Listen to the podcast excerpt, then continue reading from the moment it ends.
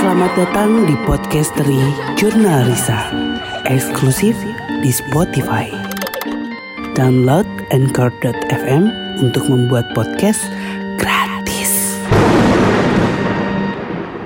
Assalamualaikum warahmatullahi wabarakatuh. Selamat datang di Podcastery Jurnal Risa. Eksklusif di Spotify. Sebelumnya terima kasih banyak buat teman-teman yang udah setia dengan podcastery Jurnal Risa di Spotify pastinya. Malam ini saya, Mas Beng, mau berbagi cerita lagi nih atau pengalaman-pengalaman yang serem atau horor yang pernah saya alami selama proses syuting di Jurnal Risa. Oke, langsung aja ya. Dari sekian banyaknya episode jurnal Risa, pasti hampir semua tempat yang kami datengin itu semua punya cerita horor atau menyeramkan. Walaupun sosok-sosok hantu itu memang banyak dan memang ada di sekitar kita. Karena tidak melulu harus di tempat yang menyeramkan atau kosong. Memang di sekitar kita itu pasti ada. Nah, kejadian yang saya alami ini sering sekali terjadi sampai-sampai sosok hantu yang selalu ingin ikut sampai pulang ke rumah. Padahal ya kalau ngomongin jarak sih tentu jauh sekali bisa sampai ikut saya pulang ke rumah. Saya pun gak tahu kenapa setiap syuting selalu ada yang ingin ikut saya pulang ke rumah. Atau saya itu selalu disukai oleh sosok-sosok kuntilanak. Nah, lokasi ini di sebuah tempat atau bangunan yang bekas rumah sakit yang ada di daerah Jawa Barat. Rumah sakit ini tuh dulunya memang bekas rumah sakit peninggalan Belanda juga. Waktu itu saya sama tim behind the scene lainnya memang berangkat duluan ke sana. Berangkat dari siang hari supaya kita tim behind the scene bisa mengecek lokasi terlebih dahulu. Lokasi yang akan kita datangin itu. Di perjalanan ke sana yang kurang lebih menghabiskan waktu sekitar 3 jam kurang lebihnya. Selama di perjalanan, saya punya perasaan yang gak enak waktu itu. Beda ketika kami syuting ke lokasi-lokasi penelusuran itu yang biasanya gak ada rasa tegang atau panik atau gak enak perasaan. Kali ini sungguh membuat perasaan saya ya kayak ada yang ngeganjel gitu. Karena ketika melihat foto-foto lokasi tersebut, saya seperti membayangkan ketika rumah sakit itu aktif pada saat itu. Jadi uh, di perjalanan itu saya kayak melihat foto-fotonya dulu, uh, membayangkan itu. Nah, semakin lama ngelihat foto-fotonya perasaan saya tuh kayak makin tegang aja gitu. Walaupun pada saat itu belum sampai kita masih di perjalanan. Kayak terbayang-bayang aja terus selama menuju ke sana tuh. Nah singkat cerita sekitar 10 menit lagi ketika kita melihat map lokasinya tuh nggak kerasa 10 menit lagi sampai pada lokasi. Nah sebelum sampai lokasi kita semua dikejutkan karena tepat di depan kami ada pengendara motor yang tertabrak oleh truk besar. Saya dan tim behind the scene lainnya kaget. Akhirnya kebetulan saya itu yang mengemudikan mobil. Saya rem mendadak karena kejadiannya persis di depan mobil kita. Semua terkejut dan panik. Dan semua yang ada di dalam mobil pun melihat kejadian itu. Suasana di dalam mobil pun tiba-tiba hening sesaat. Karena kita semua shock melihat kejadian itu yang memang kejadiannya itu cepat sekali semua orang di sekitar pun berlarian menghampiri korban yang tertabrak oleh truk itu. Orang-orang sekitar sempat memberhentikan mobil-mobil yang lain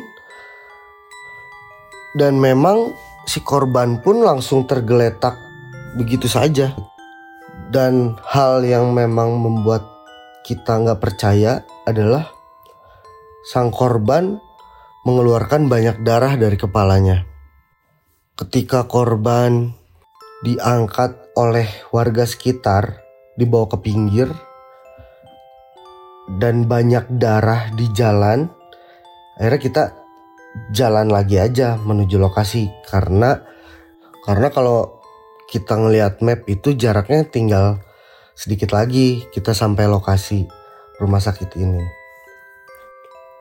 Lalu saya melanjutkan aja perjalanan karena memang deket lah, tanggung gitu. Tapi saya persis ngelihat banget motor itu ketabrak dan orangnya langsung tergeletak dan keluar darah banyak. Saya langsung kebayang-bayang kejadian itu. Setelah sampai di lokasi, saya pun langsung memarkirkan mobil sambil ya mencoba melupakan kejadian tadi. Tapi ya anak-anak yang lain kayak masih ngomongin korban itu. Mereda, akhirnya kita udah gak kepikiran lagi sambil menunggu narasumber. Kita diam di mobil. Saya memarkirkan mobil tepat di depan rumah sakit tersebut, rumah sakit yang sudah terbengkalai ini. Banyak gerombolan warga yang baru membicarakan korban kecelakaan motor itu. Saya sambil mendengar ada warga yang bilang, "Wah, eta nu celaka kuduna dibawa ke RSI nya." Sambil warga itu ngobrol dengan temannya. Dengan mendengar seperti itu, lagi-lagi saya terbayang kalau ada korban-korban kecelakaan dengan kondisi rumah sakit ini aktif, mungkin banyak korban yang bisa tertolong di rumah sakit ini. Akhirnya saya menanyakan ke salah satu warga, Pak itu gimana yang tadi ketabrak truk?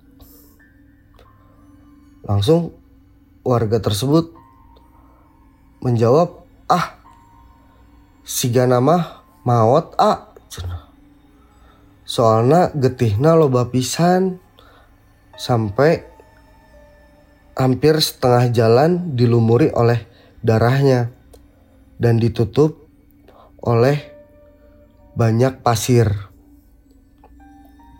Lalu saya cuman bisa ngejawab innalillahi. Akhirnya setelah menunggu lama ternyata narasumber dan orang yang mengizinkan kita untuk syuting di rumah sakit ini datang. Kita masih mencoba tenang karena nggak nyangka banget bisa ngelihat kejadian itu. Waktu nggak kerasa udah sore. Nah si narasumber pun begitu datang dia pun bilang Aduh A, punten ya rada telat. Soalnya tadi saya nolongin orang dulu. Ah, nolongin orang siapa A? Terus si AA-nya itu kayak ngos-ngosan gitu. Iya, tadi ada yang celaka di depan. Tadi saya yang abis nganterin ke rumah sakit. Rumah sakitnya rada jauh. Cuma gak selamat ah, meninggal di jalan. Langsung kita semua itu makin ya Allah kok kayak gini ngelihat yang meninggal di depan mata dengan kondisi yang tragis lalu si, si AA narasumber ini bilang ya A kasihan. Ya ya udahlah. Ya semoga tenang. Uh, keluarganya juga dikasih ketabahan ya A Ya ah, amin. Nah setelah itu akhirnya kita turun dari mobil dan bersiap untuk mengecek lokasi tersebut. Karena memang setiap syuting penelusuran jurnal Risa pasti kita cek spot dulu untuk menentukan di mana lokasi-lokasi yang akan kita pakai nanti. Akhirnya kita masuk ke area depan rumah sakit. Satu persatu ruangan ini kita masuki. Mulai dari ruangan IGD sampai ada satu ruangan yang pintunya itu susah dibuka saya tidak tahu pasti ruangan itu ruangan apa cuman dari si narasumber itu dia memang sudah bilang ada satu ruangan di rumah sakit ini yang pintunya tuh susah banget dibuka. Kalaupun dibuka nantinya bisa tertutup sendiri. Akhirnya ya, oh gitu ya. Ya nanti kita cek aja ah bareng-bareng. Pas masuk ruangan IGD, kami semua masih belum merasakan hal yang aneh. Walaupun lagi-lagi saya membayangkan waktu dulunya ruangan ini ruangan yang penuh dengan pasien yang sakit mendadak dibawa ke ruangan ini. Saya kebayang kalau ruangan ini itu ruangan yang sangat sibuk sekali. Lalu kami memasuki ruangan bersalin yang di mana masih ada banyak peralatan peralatan bersalin seperti berangkar dan juga ranjang-ranjang bayi. Saya melihat di ruangan itu ada pintu kecil yang coba saya buka. Ternyata itu ada ruangan lagi. Di mana di situ ada lampu-lampu seperti ruangan operasi. Di situ hawanya udah beda banget. Karena dari setiap ruangannya itu saya merasa mulai merinding di situ. Ah, tapi ya saya masih agak tenang. Masih belum panik karena itu masih sore dan masih ada matahari jadi saya masih merasa tenang aja. Walaupun sebentar lagi waktu maghrib matahari akan tenggelam setelah kita menyusuri ruangan-ruangan depan seperti ruangan IGD, ruangan bayi, kamar operasi, dan tempat-tempat suster, kita semua ingin pindah ke area belakang.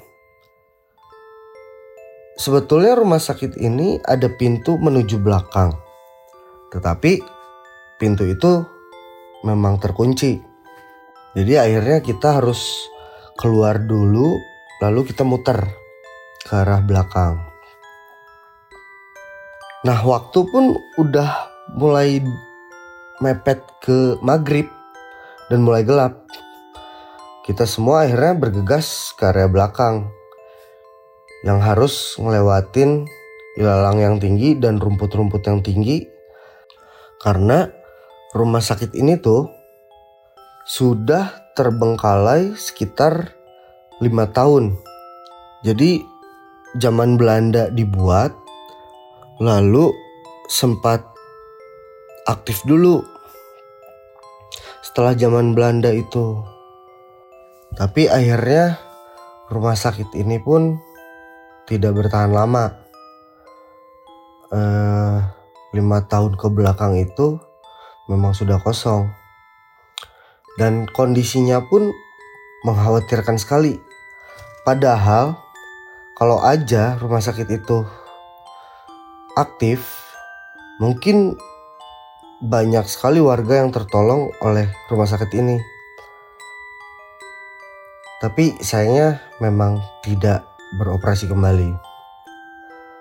Akhirnya sesampainya kita di bagian tengah rumah sakit ini, saya dan tim behind the scene lainnya melihat sebuah kursi roda yang terbengkalai gitu aja.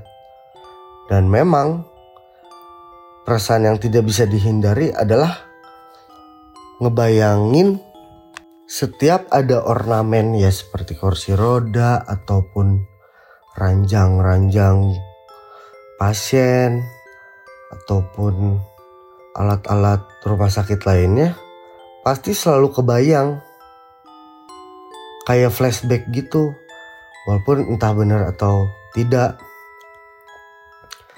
tapi ya masih banyak barang-barang yang utuh yang ditinggalkan begitu saja. Dan setiap ruangannya itu berantakan sekali, seperti masih ada obat-obatan atau alat-alat lainnya. Lalu kita jalan lagi. Jadi semua tim BTS itu kita kayak bagi-bagi tugas. Sebagian ada yang ngambil footage ruangan, ngambil footage uh, mengambil gambar alat-alat tadi seperti ranjang dan lain-lain. Nah, kita menuju area belakang itu lewat lorong yang panjang banget. Ketika kita semua berjalan nyusurin lorong itu, saya melihat dan seperti tertarik gitu untuk melihat ke arah gedung yang terpisah dengan rumah sakit ini. Saya melihat ada bangunan yang hampir runtuh di sebelah kiri lorong rumah sakit ini. Tatapan saya itu nggak bisa lepas ke arah bangunan itu. Kayak di dalam hati kecil saya ada yang bilang nyuruh saya datang ke bangunan itu kayak ada ajakan yuk samperin ke sana samperin ke sana ada rasa penasaran tapi saya masih setengah hati saya nggak mau ikutin perasaan saya yang tadi akhirnya kita menuju ruangan setiap ruangannya sambil berjalan ruangan-ruangan itu tuh ada yang pintunya dibuka, ada pun pintunya yang terkunci. Nggak kerasa azan maghrib pun berkumandang. Akhirnya kita diam sejenak, berkumpul dan memang suasana semakin tidak karuan karena memang udah gelap juga dan kita nunggu sejenak setelah azan selesai baru kita melanjutkan kembali surveinya. Waktu itu pun gak kerasa banget sebetulnya kita survei itu seperti yang baru sebentar padahal udah lama banget.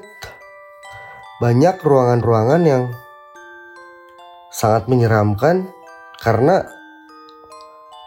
sudah lama sekali tidak berfungsi. Mungkin banyak sosok-sosok hantu yang tinggal di RS ini. Lalu penerangan pun menggunakan lighting yang seadanya. Nah, akhirnya kita ditujukan ke satu ruangan yang diceritakan oleh narasumber kita. Akhirnya kita sampai yang pintunya sulit dibuka itu saya sebelumnya izin dulu ke si AA narasumber ini. Apakah boleh kita coba buka atau jangan? Tapi akhirnya dia mengizinkan dan membolehkan. Uh, sok aja ah kalau mau dibuka dicoba aja. Kalau saya mah nggak berani kata dia gitu. Karena kita semua saling bantu buka pintu itu. Dan memang agak susah. Tapi akhirnya terbuka juga. Lalu begitu kita masuk itu, saya melihat ruangan ini ruangan yang tidak jauh beda dengan ruangan-ruangan yang lainnya. Lalu saya berdiskusi dengan tim BTS lainnya, kalaupun ada uji nyali, saya bilang, kayaknya ruangan ini yang cocok karena hawanya itu beda banget. Terus lokasinya itu paling ujung dan paling belakang dari rumah sakit ini. Dan semuanya pun setuju uh, setelah semua ditentukan spot yang akan dipakai syuting, kita semua kembali nih, balik lagi nih ke depan. Sambil jalan menuju keluar rumah sakit ini, saya ngobrol dengan narasumber yang ternyata sambil jalan itu dia nunjukin ada rekaman video yang pernah dia ambil di rumah sakit ini. Di dalam video itu dia sambil bercerita, jadi waktu dia sama teman-temannya iseng main di situ. Sore-sore dia sama temennya main, tiba-tiba di saat dia ngerekam muncul sosok pocong di ruangan yang pintunya susah dibuka. Saya pun kaget. Kenapa gak bilang uh, dari awal kalau ada rekaman video itu ah cuman ngasih liatnya foto-foto doang. Sedangkan dia punya rekaman pribadi yang dia tunjukin ke saya aja. Dia bilang kalau diliatinnya di awal nanti takutnya pada nggak berani ah saya bilang aja ya jangan kayak gitu ah harusnya ceritain aja. Kasih tahu aja. Itu kita jalan baru 10 meter kurang lebih dari lokasi yang ada penampakan itu saya pun sempat kesal gitu jadinya tuh coba kalau dibilanginnya dari awal mungkin ya saya mencoba tidak membayangkan ada sosok itu. Cuman karena ngelihat videonya baru dan dia bilangnya baru, saya jadi ada rasa penasaran untuk melihat ke belakang. Untuk melihat ke arah pintu itu atau tempat itu. Terus kita kembali ke depan uh, di saat jalan itu memang ada perasaan yang seperti suruh ngelihat ke belakang terus. Akhirnya agak jauh sedikit, saya baru berani ngeliat ke belakang dan memang ternyata tidak ada apa-apa. Nah, sembari kita menuju ke area depan, saya nanya ke narasumber ini, gedung itu tuh gedung apa sih sebenarnya? Lalu si narasumber pun bilang, ini mah A, tiga gedung itu tuh cocok untuk spot terakhir kata dia. Langsung saya bilang kan spot terakhirnya di yang pintu itu A. Wah ini ada lagi A, tiga gedung yang terpisah itu bagus. Yuk kita cobain aja sambil jalan ke sana sambil ke depan.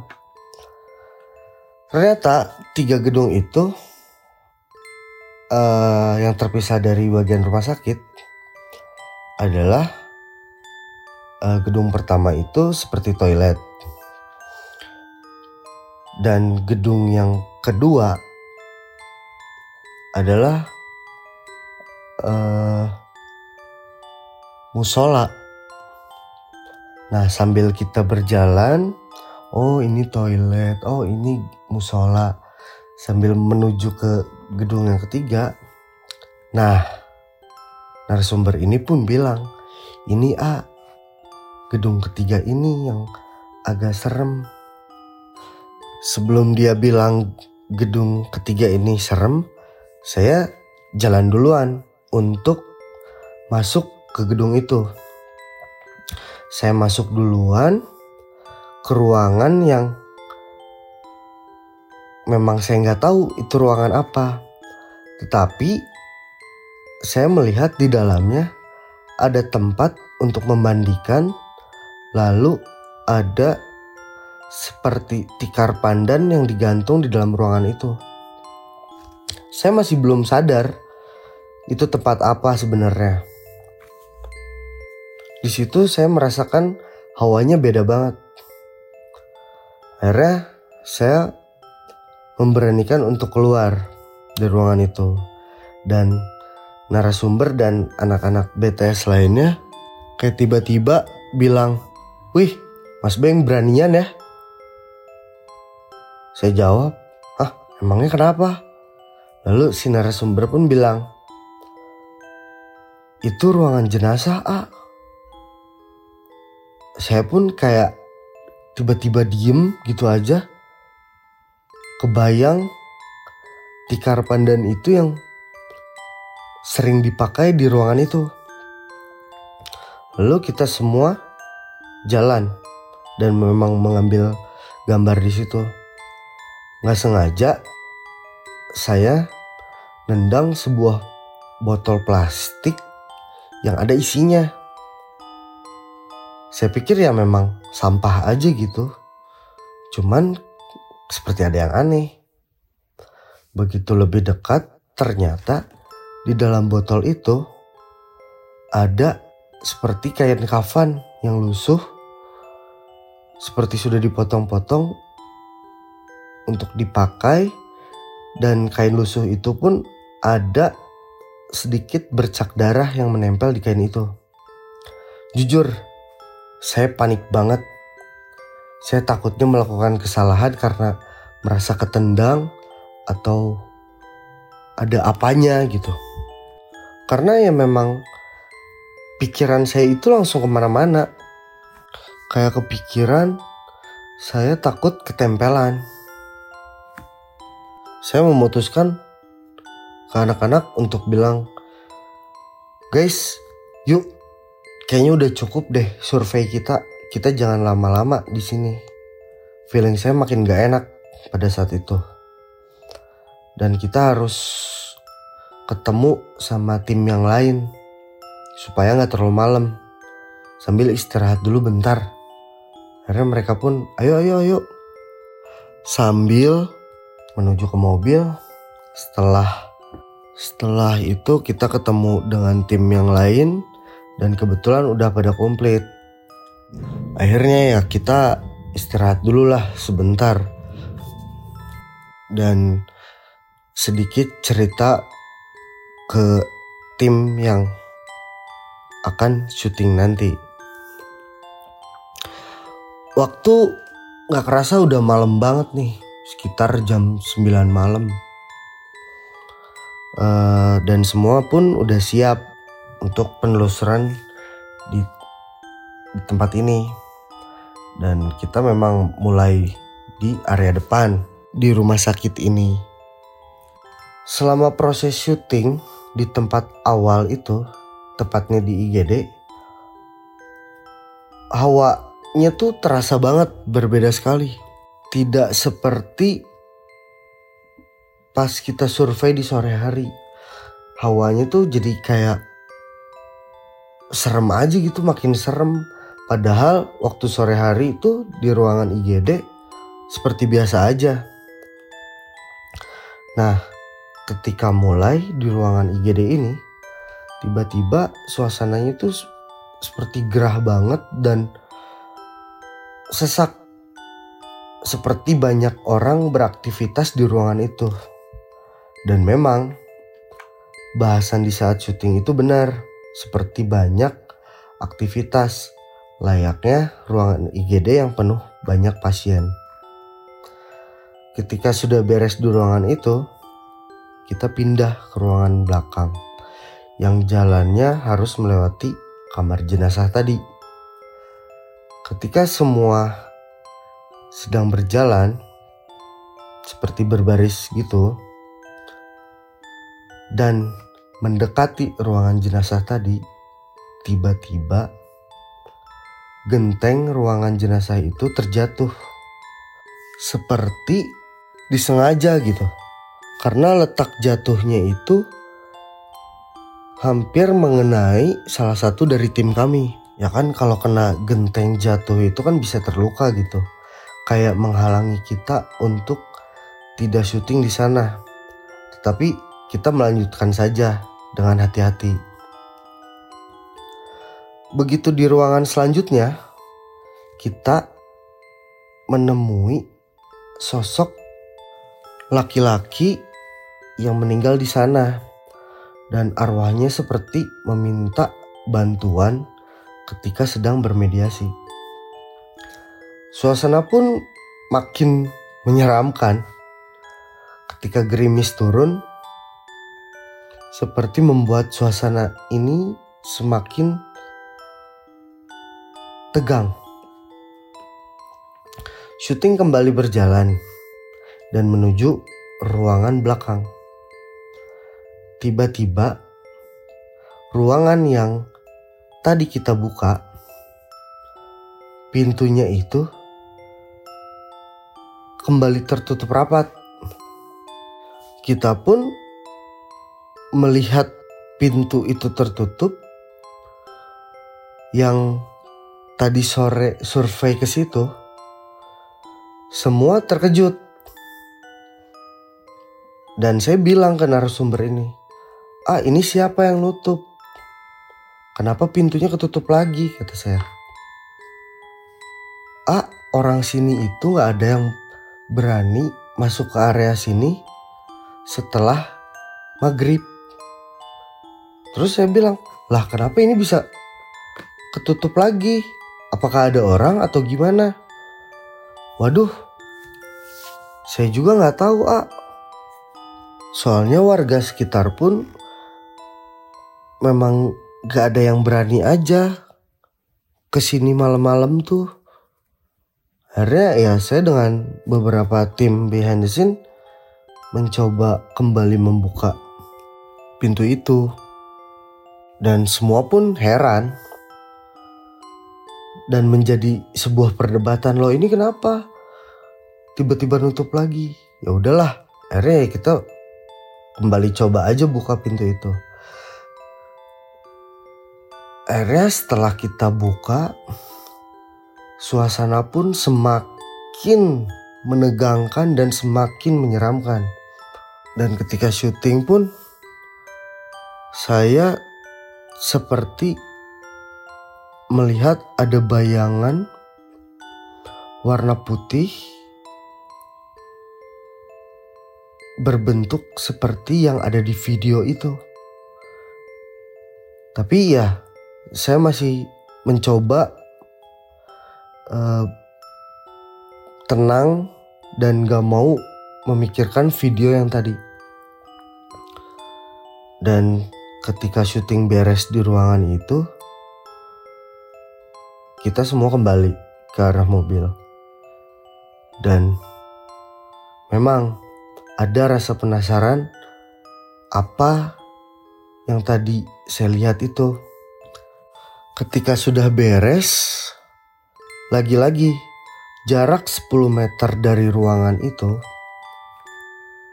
saya seperti ingin melihat kembali ke belakang. Tapi kali ini saya memberanikan diri untuk melihat ke belakang. Dan begitu saya melihat ke belakang, ada sosok bayangan warna putih itu seperti melihat ke saya dan bilang,